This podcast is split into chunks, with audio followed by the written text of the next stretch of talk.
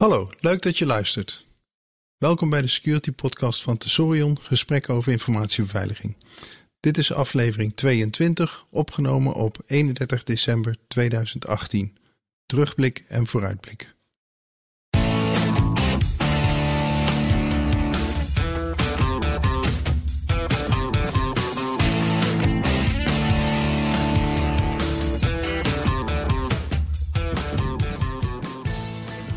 In deze aflevering terugblik en vooruitblik.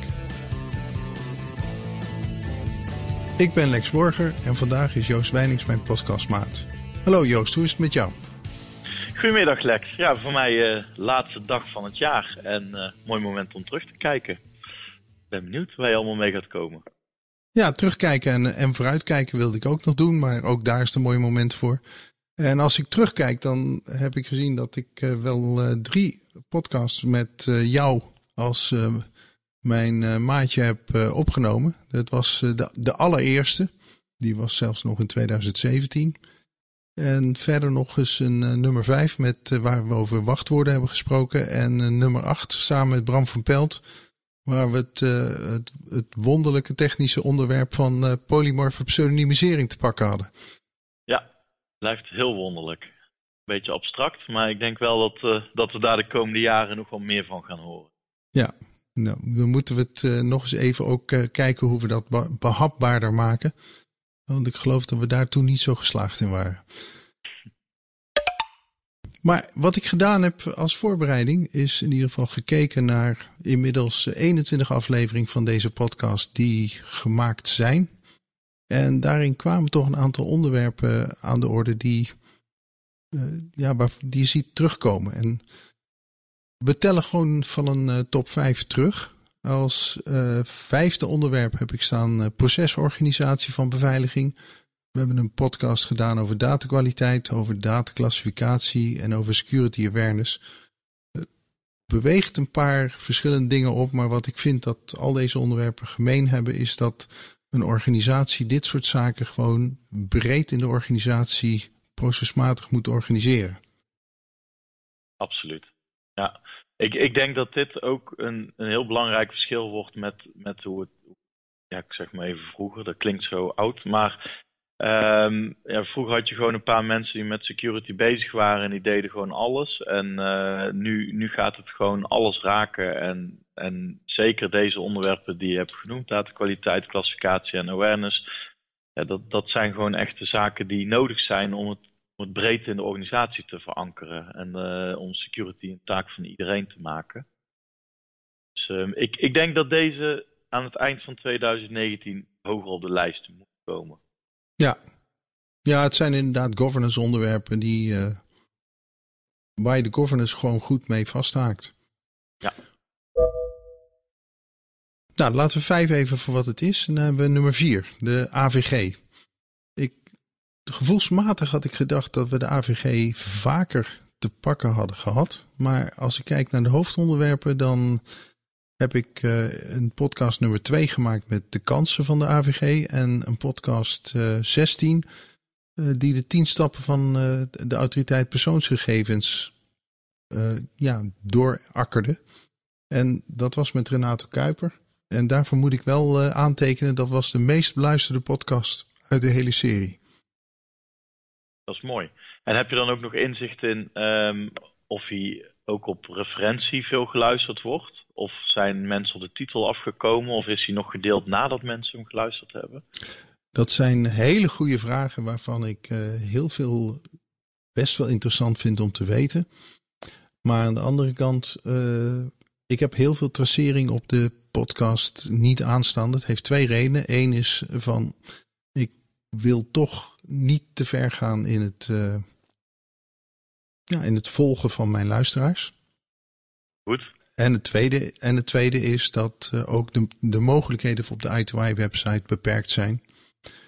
En daarmee uh, ja, ook een vooruitblik kijken. Ja. En ik heb nog even geen idee, omdat Tesorion nog echt in oprichting is. In de zin van we gaan de website nog een keer opnieuw bouwen. Daar zijn we nu nog met het ontwerp bezig. Dus ik, ik moet nog even zien hoe dat allemaal uitpakt. En ja, misschien dat we in dat ontwerp wel beslissen om de podcasts helemaal niet eens op de website zelf te hosten, maar bij een uh, podcast hoster. Ja. Ik denk zelfs dat die kant op gaat.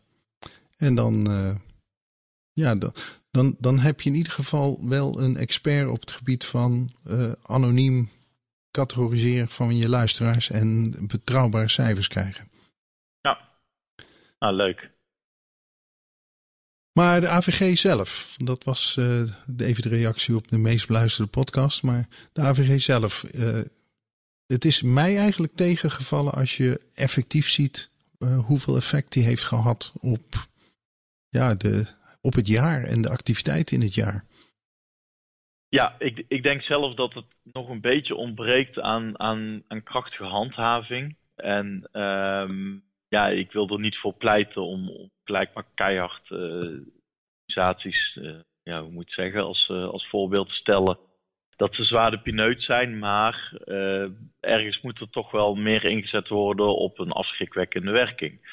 Maar anders dan had je hem net zo goed niet op kunnen richten, de, de, de autoriteit persoonsgegevens. Ja. En uh, dan uh, heb je aan die AVG zelf ook niet zoveel als niemand er iets echt mee doet. En tegelijkertijd denk ik dat de AVG ook weer leidt tot heel veel, ja, met name aan, aan de juridische kant.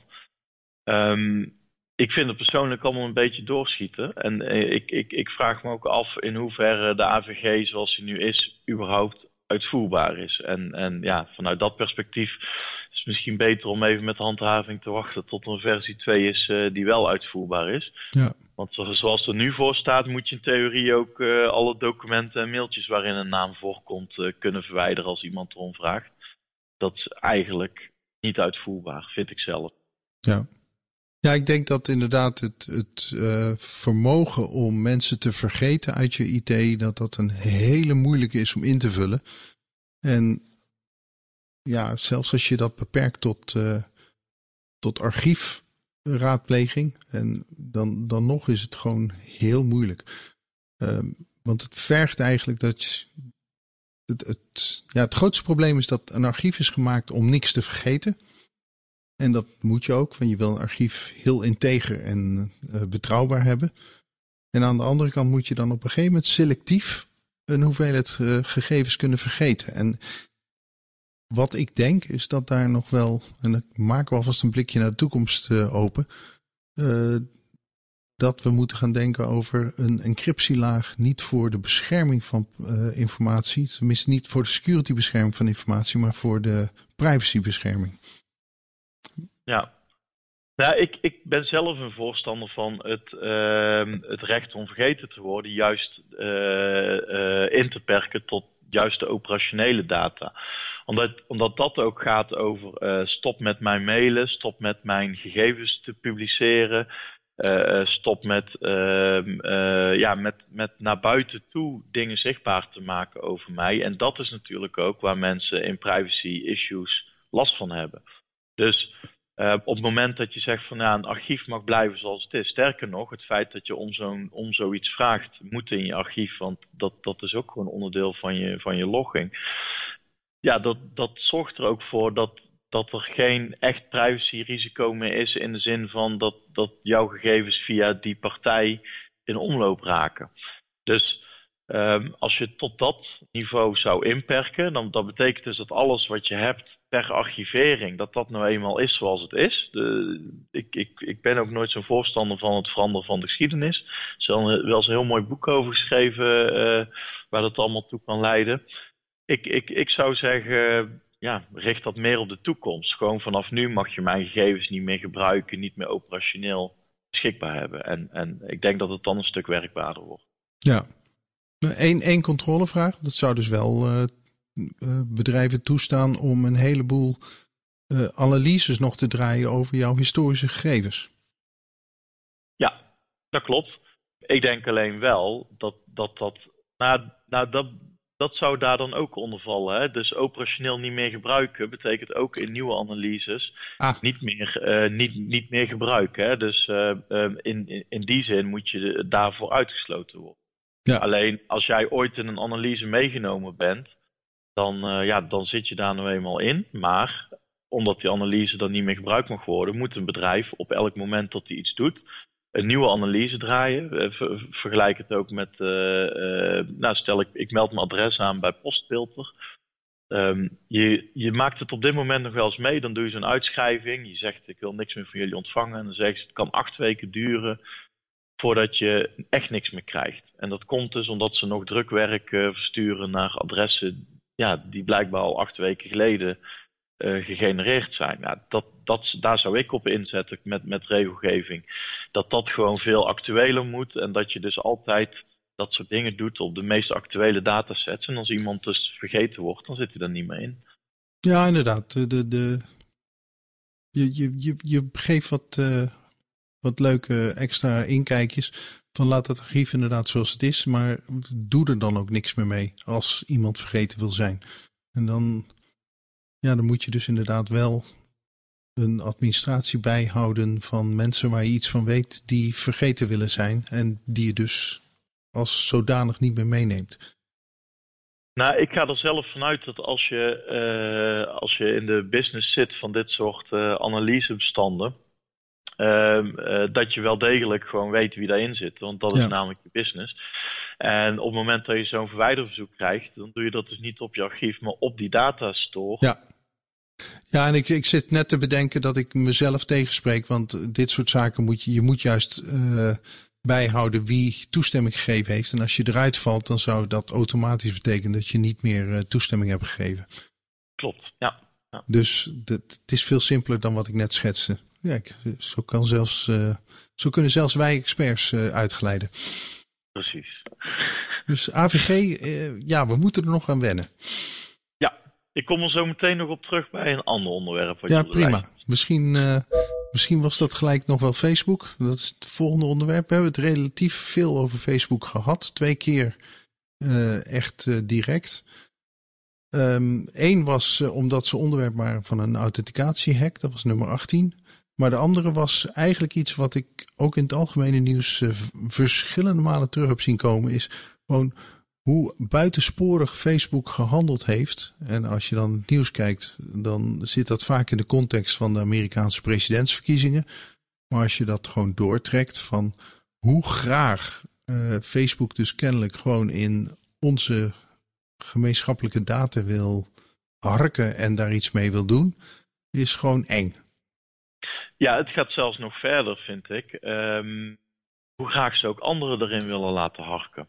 En dat, dat vind ik eigenlijk nog veel opvallender. Uh, want hè, dat, je er zelf in harkt om je eigen voordelen mee te doen. Ja, nou, het is een bedrijf dat uh, vrijwel over lijken gaat.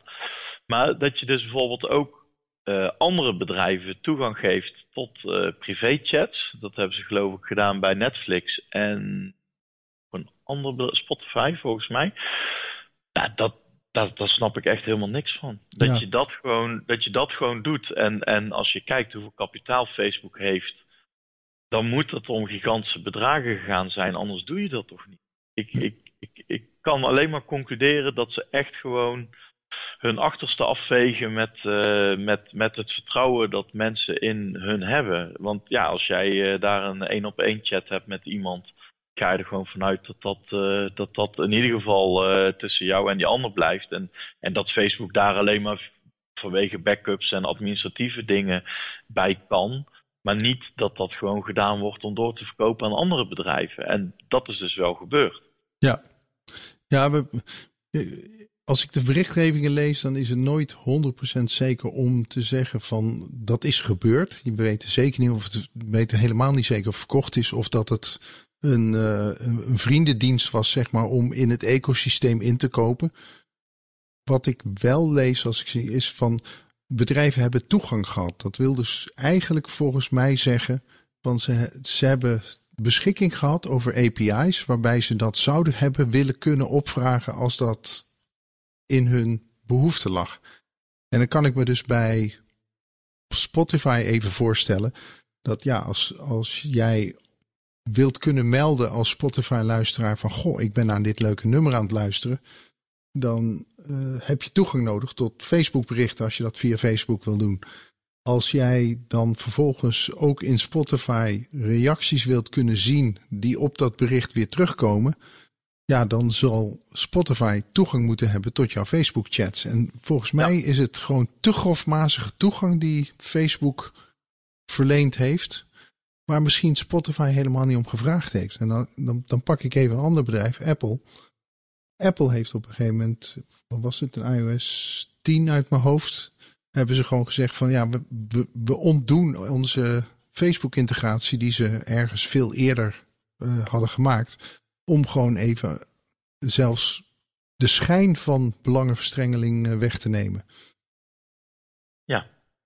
En ja, als je dan hoort van ja, Apple had voor die tijd toegang tot, dan denk ik van ja, maar Apple had geen aanleiding om, als ze die toegang hadden, om die te misbruiken. Ja, ja dat klopt. Maar het, het, het, het feit dat ze die toegang geven, hè, dus de, dingen die jij, die jij aangeeft, um, uh, om, om dat te kunnen integreren in het product, daar had Facebook gewoon over na moeten denken, hoe kunnen we dat doen, zonder dat het betekent dat het alles door ja. iedereen gelezen kan worden. En dat dat vanuit dat uitgangspunt ontworpen moet worden. En uh, het feit dat ze dat niet doen, zegt wel iets. Ja, dan kom je inderdaad terug bij de kern van hun handelen, zoals ik dat noemde is van ze hebben duidelijk laten zien dat ze wat dat betreft gewoon geen interesse hebben om het uh, ja, security by design en uh, security by default uit te voeren. Ja. Er is ook een, een oud, oud berichtje van Zuckerberg in, uh, in omloop gekomen. Ik weet niet of je dat langs hebt zien komen. Dat was in zijn tijd toen hij, toen hij nog op de universiteit de voorloper van Facebook gemaakt had. Waarin hij in een, MSN instant messaging chat tegen iemand zegt: uh, Wil je gegevens hebben van alle studenten? En dan zegt die ander: uh, ja, hoe, hoe, kom je daar dan aan? Ja, ja, die sukkels hebben het gewoon aan mij gegeven. Ik snap ook niet dat ze mij vertrouwen. Dat, dat is ook dit jaar uh, in omloop gekomen. En, ja, die heb ik gehoord. Ja, ze hebben daar niet op gereageerd dat het niet waar was. Maar wel dat het in de context van de tijd gezien moest worden of iets dergelijks. Ja. Maar uh, helaas zegt het misschien wel iets over de neerbuigendheid die daar ergens zit om, ja, om naar vertrouwen ja. te kijken. Vertrouwen is een mooi iets als je het krijgt. Dan moet je niet zien als, als iets van sukkels, denk ik. Klopt, helemaal mee eens. Volgende. Volgende. Het uh, SOC. Ik heb het uh, verschillende malen over SOC gehad. Dat heeft natuurlijk een aantal redenen. Eén is uh, omdat dat een van de dingen was die veranderde toen I2I opgenomen werd in het Tesorion bedrijf. hadden we ineens een SOC erbij. En ik probeerde inderdaad ook zelf uit te vissen van hey, wat doen we daarmee en wat voor klanten kunnen wij zo'n SOC-dienst uitbesteden. En dat hebben we dus in aflevering 13 en 15 uh, behandeld. En op de laatste aflevering hiervoor hebben we ook nog gehad over de Marriott Breach. En wat ik apart vond van de Marriott Breach was dat Marriott die zelf gevonden had in hun sok. Dus in die zin zie je dan ook gelijk het nut van een sok. Alhoewel in dit geval bij die breach natuurlijk er vijf jaar tussen zat voordat het bemerkt werd. Ja, ja ik, ik heb, ik moet zeggen, door wat drukke omstandigheden heb ik de details van die breach niet meegekregen. Wel uh, de, de, de, ja, moet ik zeggen, de klantkant. Ik stond ook in de database vanuit een grijs verleden. Uh, wat, wat, wat heeft dat SOC precies gedaan dat ze zoveel jaar terug dat ineens gevonden hebben? Dat vind ik dan wel, uh, wel interessant, want dat zijn normaal de taken waar een SOC pas aan toe komt. Of als ze genoeg mensen hebben die, de, dat een soort cold case team is. Of uh, mensen die wat verder terug in de tijd graven. Een SOC dat primair operationeel en actueel bezig is en reactief. Dat, dat komt natuurlijk niet zomaar uit bij een, bij een breach van vijf jaar terug. Nee, maar het is, wat ze vonden was een, als ik me goed herinner, een signaal naar buiten toe naar een command and control server. En okay. dat was dus een, een signaal in het hier en nu. Oké, okay. er zal een IOC, uh, een, een, IOC op die uh, command and control server en daar is een detectieregel uh, op ja. afgegaan. Ja. Okay. ja, en dat hebben ze dus gevonden. En in het uitzoeken wat ze er achteraf gedaan hebben, kwamen ze dus achter van Verhip, dat is al jaren bezig. Een ander ding wat natuurlijk meegespeeld kan hebben, is ze hebben Marriott heeft Starwood gekocht en dit is een breach op de Starwood-infrastructuur. En wat je natuurlijk over tijd krijgt, en dat kan soms wel jaren duren, is dat de Starwood-infrastructuur uiteindelijk ook eindelijk door de Marriott SOC gemonitord werd. Ah, oké. Zo, ja. Ja, en de andere optie is dat ze gewoon gestart zijn met een nieuwe vorm van detectie of een nieuwe set uh, rules hebben aangekocht. Dat ja. natuurlijk ook. Ja. dat kan ook. Uh, heel duidelijk zijn ze niet over, maar ik moet wel zeggen dat ze heel gedreven waren in het melden ervan, wat mij vooral opviel. Ja. Wat mij ook nog bijstaat is vooral de discussies achteraf over uh, paspoortgegevens. En wat je daar nou mee moet doen. En ik denk van paspoortgevers heb ik echt zoiets van. Ja, um, hoe, hoe ga je dat nou ongedaan maken dat dat eruit is? En aan de andere kant van waarom zijn paspoortgegevens nou zo ontzettend gevoelig? Maar dan kom je tot een discussie van uh, het BSN-nummer wat op een paspoort staat in Nederland. Ja, ja, er wordt eigenlijk te veel ja, uh, authenticatiekracht toegekend aan een kopie of aan het feit dat je over de gegevens beschikt. En niet meer uh, dat je over het originele document beschikt. En dat, dat is natuurlijk gek. Iets anders wat ze wel heel goed hebben gedaan bij Marriott, vind ik zelf. Ik kreeg een, uh, een bericht dat ik gratis op hun kosten, dus, want gratis bestaat natuurlijk niet, een jaar lang me aan kan melden voor een identity monitoring dienst die dan op, op het dark web en allerlei andere vage omgevingen gaat checken of mijn gegevens daar in omloop zijn. En Marriott draagt dus die kosten voor al haar klanten. En dat, dat vond ik echt een fantastisch iets. Ik heb dit nog nooit meegemaakt dat bij een, een, een data breach waar mijn gegevens in zitten, dat ik zo'n maatregel aangeboden krijg, dat ja. ik daar gewoon een jaar lang gebruik van kan maken. En ja, dat, dat siert ze echt heel erg. Ja, dat, uh, ik, ik heb daar vaker. Ik heb dat vaker meegemaakt, maar dat zijn dan vooral de, de breaches in het Amerikaanse domein. En ik denk dat we die in Europa nog wat minder gehad hebben. Ik denk Marriott is de eerste die die regel inderdaad internationaal uh, gebruikte. Ja. Maar inmiddels uh, zitten we al aardig in het volgende onderwerp en het laatste onderwerp uit het lijstje. De, met, echt met stip nummer 1, authenticatie. Natuurlijk een van mijn stokpaardjes. Maar we hebben het twee keer gehad over wachtwoorden in podcast 4 en 5. Over Identity and Access Management uh, in podcast 10. Over FIDO 2 en de nieuwe YubiKey in, in podcast 17. Over het uh, ja, vernieuwde NCSC factsheet over two-factor authentication in podcast 19. En ja, ook weer in podcast 21 indirect gezien omdat we daar eh, gehad hebben over uh, simswapping. Het gaat eerder over het gebrek aan authenticatie. Ja, het, gebrek aan authenticatie gaat over authenticatie. Precies, precies. Ja, nou, dat is een mooi, mooi, mooi lijstje onderwerpen, denk ik. En uh, uh, ja, authenticatie is natuurlijk gewoon een heel belangrijk onderwerp op dit moment.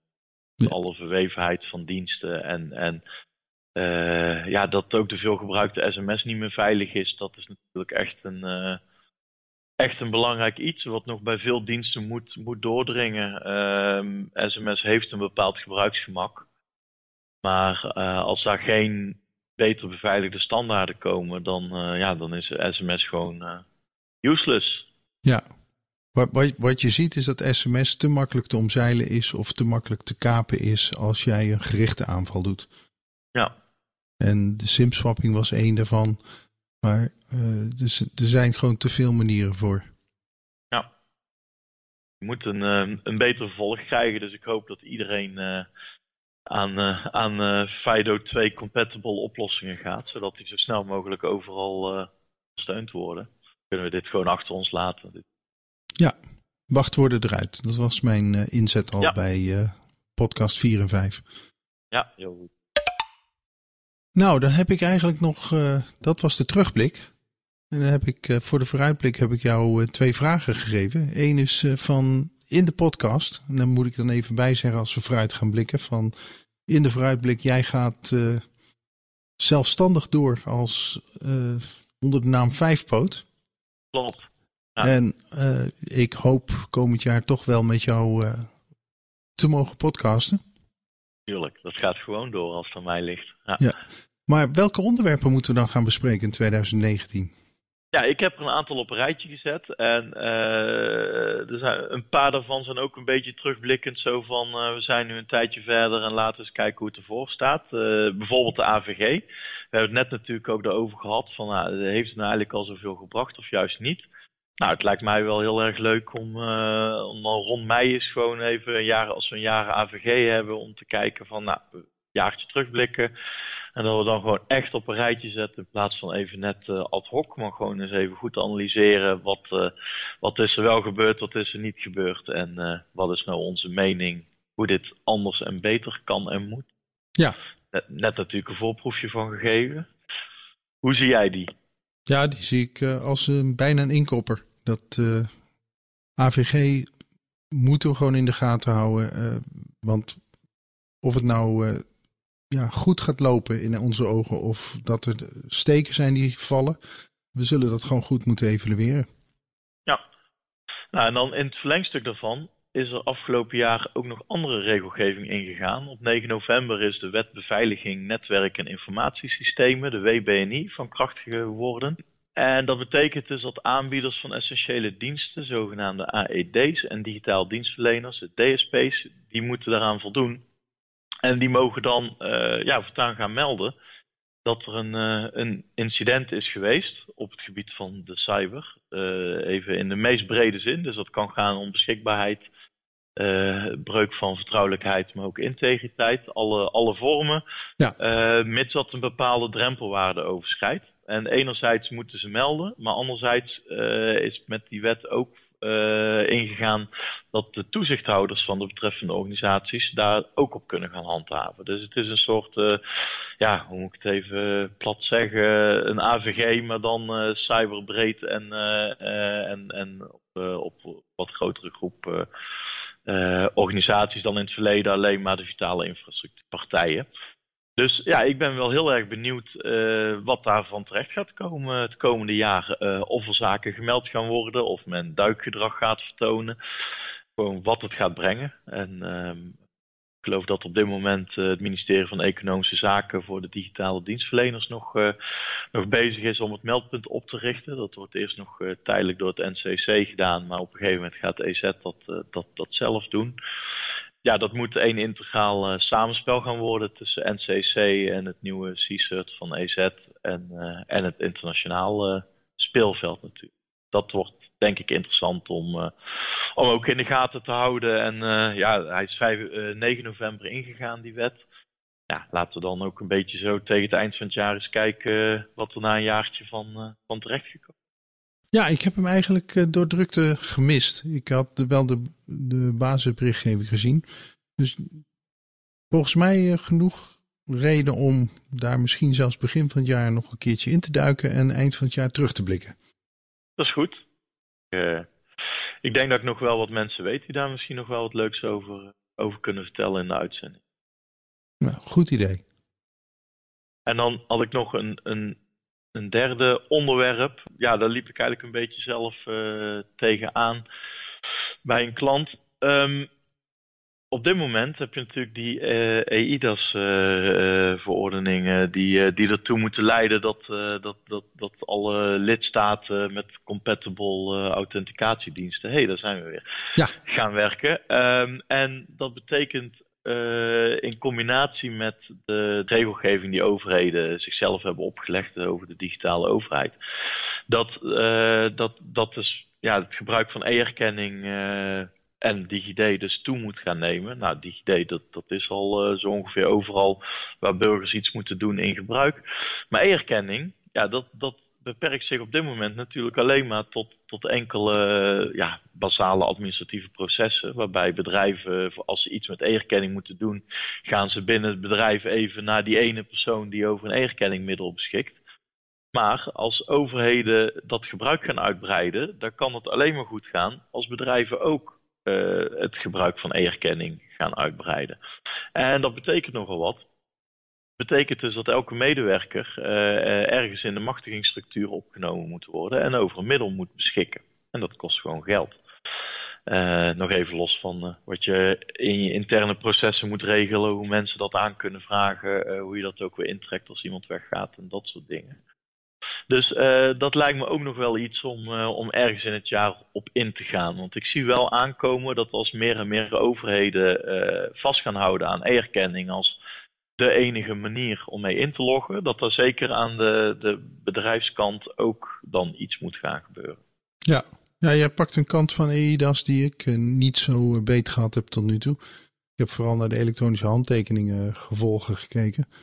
Ja. Maar uh, ja, het, wat je schetst lijkt me historisch zeker een probleem. Als je het zo organiseert als, jij, ja, als wij gewoonlijk doen. Dus ik denk dat daar hele nieuwe patronen voor moeten komen. Ik heb daar wel wat ideeën over. Maar dan zouden we inderdaad daar eens uh, wat over moeten brainstormen. Ja, ja dus uh, ik denk dat dat een belangrijke wordt. Nou, en dan, uh, dan denk ik dat ik zo.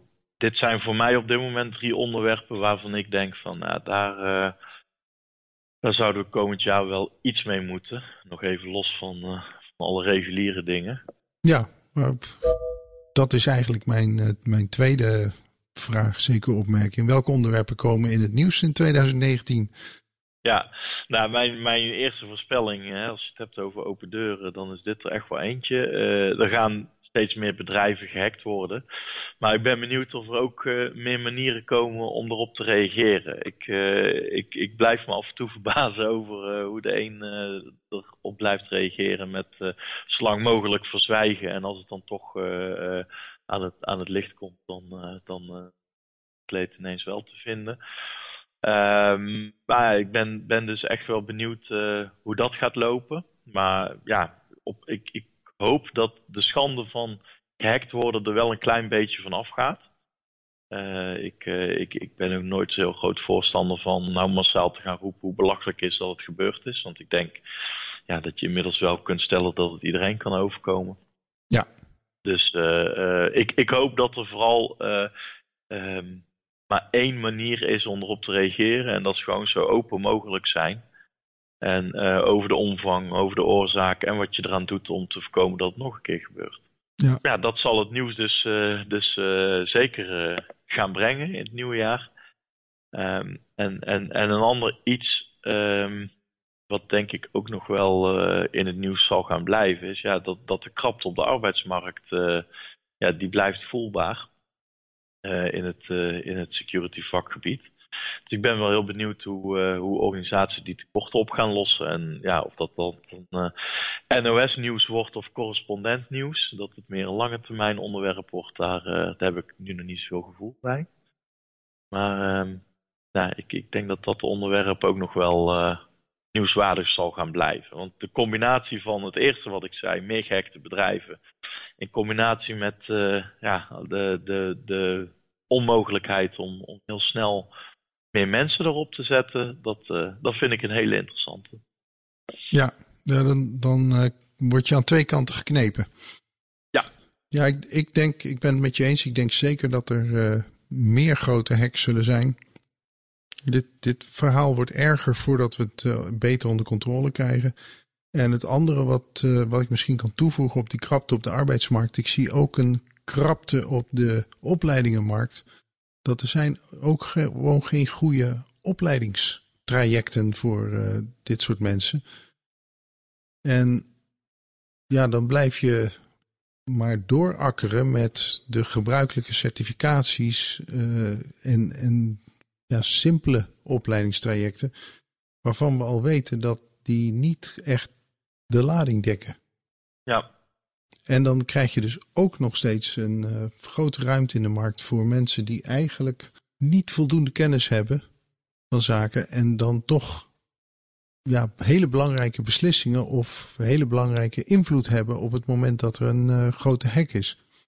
Ja, absoluut. Gelukkig heeft uh, de Sorion daar volgens mij ook nog iets voor in gedachten. De schaalvoordelen van, uh, van het outsourcen van jouw security is natuurlijk een oplossing op dit soort problematiek als er krapte is in de arbeidsmarkt. En ja, SOC-diensten en uh, uitgebreide netwerksensoren, uh, dat is een onderdeel daarvan. En dat is een van de dingen die we zeker wel in het komende jaar ook wat meer over gaan vertellen. Ja, maar ik doelde eigenlijk op de opleiding waar Tesorial mee aan de slag ging. Ah, de opleiding. Ja, dat is nog, dat is nog echt even kleinschalig. En dat, dat maakte wel dat ik erover dacht. Uh, dat ik dacht aan het onderwerp. Ja. Maar aan de andere kant, uh, ik maak me even nog niet de illusie dat als wij met een uh, opleidingstraject starten van tien man, dat je dan een, het probleem van de opleiding in de arbeidsmarkt opgelost hebt. Maar het is ja. wellicht een eerste stap die kant op. We hebben wel al ook daar de, de schalingskansen bekeken. En als we met de huidige set aan uh, docenten uh, hiermee flink aan de slag gaan en ieder half jaar een opleiding starten, dan ben ik binnenkort niks anders aan het doen dan doseren. Heel goed. En um, dit, doet me ook nog aan, aan iets anders denken. Hè? Wat je, er, zit op, uh, er zit op Twitter een Amerikaan, Chad Loader. Ik weet niet precies van welke organisatie hij is, maar dat is wel um, ja, hij, hij is een, een soort, ja, hoe moet ik zeggen, self-made uh, CISO. Het bedrijf waar hij zit, zeg maar eigenlijk even niks. Maar hij, hij schrijft heel veel over uh, waar nou uh, de crux zit van, van, ja, van, van, van security.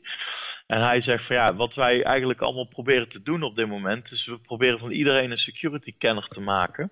Um, maar dat moeten we misschien wel helemaal niet willen. Misschien moeten we ons veel meer inleven in wat security nou betekent voor iemand die, die het eigenlijk totaal oninteressant vindt. Wat eigenlijk gewoon iedereen is, behalve de mensen die in ons vakgebied werken. En we constateren net dat, dat die toestroom ook nog eens uh, moeilijk te regelen is. Dus misschien moeten we wel naar een soort security cursus voor mensen die, uh, die, die niet per se zelf de security in willen. Dus dat, uh, dat het veel makkelijker wordt om met, uh, met, ja, dan zit je bijna in misschien een soort awareness traject, maar misschien nog wel een beetje daarvoor.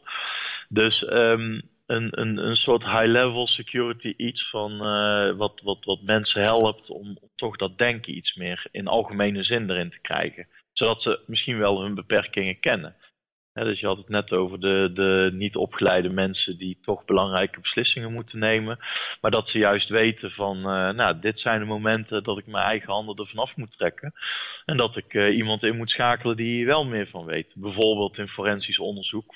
Je maakt dingen stuk voordat je er zelf erg in hebt. Uh, of bepaalde ontwerptrajecten van je maakt een ontwerpfout voordat je er erg in hebt. En, en, en dat soort dingen. Ik ben het helemaal met je eens. Ik bedoel, we moeten niet de illusie hebben dat we iedereen uh, alles gaan leren over uh, beveiliging.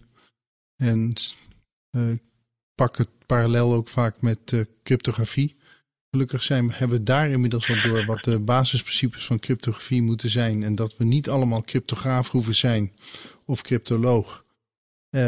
maar dat wij gewoon zonder dat we die specifieke kennis hebben, toch cryptografie goed en veilig kunnen gebruiken. Ik denk dat dat in de hele security zo moet zijn. Maar dat betekent dus wel dat je uh, uh, een andere populaire vergelijking is natuurlijk uh, vergelijken met de auto-industrie. je hoeft geen kennis te hebben van hoe een motor werkt om veilig en rustig in een auto te kunnen rijden. Klopt. Ja. Dat is denk ik de taak van de hele security branche. Zonder dat je moet verzanden in in kreten van koop onze technologie en, uh, en dan komt het allemaal goed. Want security is uh, volgens mij niet alleen maar technologie.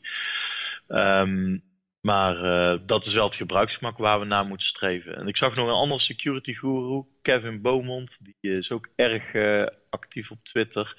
Die zag ik als reactie uh, op de opmerking die ik net citeerde zeggen... voor de meeste thuisgebruikers van de leeftijd van onze ouders, dan uh, is vaak een Chromebook en pen en papier voor de wachtwoorden, zodat ze niet online opgeslagen zijn, misschien nog wel een hele adequate security maatregel. Oh, zeker. Gewoon, gewoon eenvoudig houden en niet iedereen wordt de APT's aangevallen. En, nee. Kijk. dan zou je vrij goed moeten zitten. Ja, ik, ik heb 200 wachtwoorden in een password manager staan.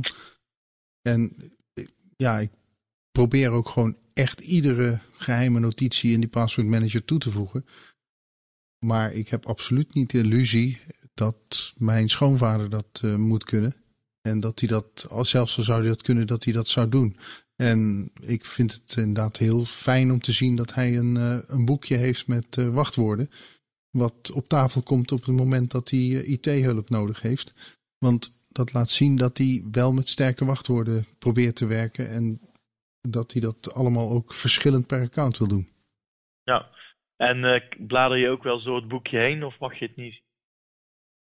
Ik blader doorheen en dat... Uh, ja, Als ik de wachtwoorden in het lijstje van mijn vader zie, dan denk ik wel van... Ja, je schrijft ze wel op, maar dat is geen teken van dat er met sterke wachtwoorden gewerkt wordt.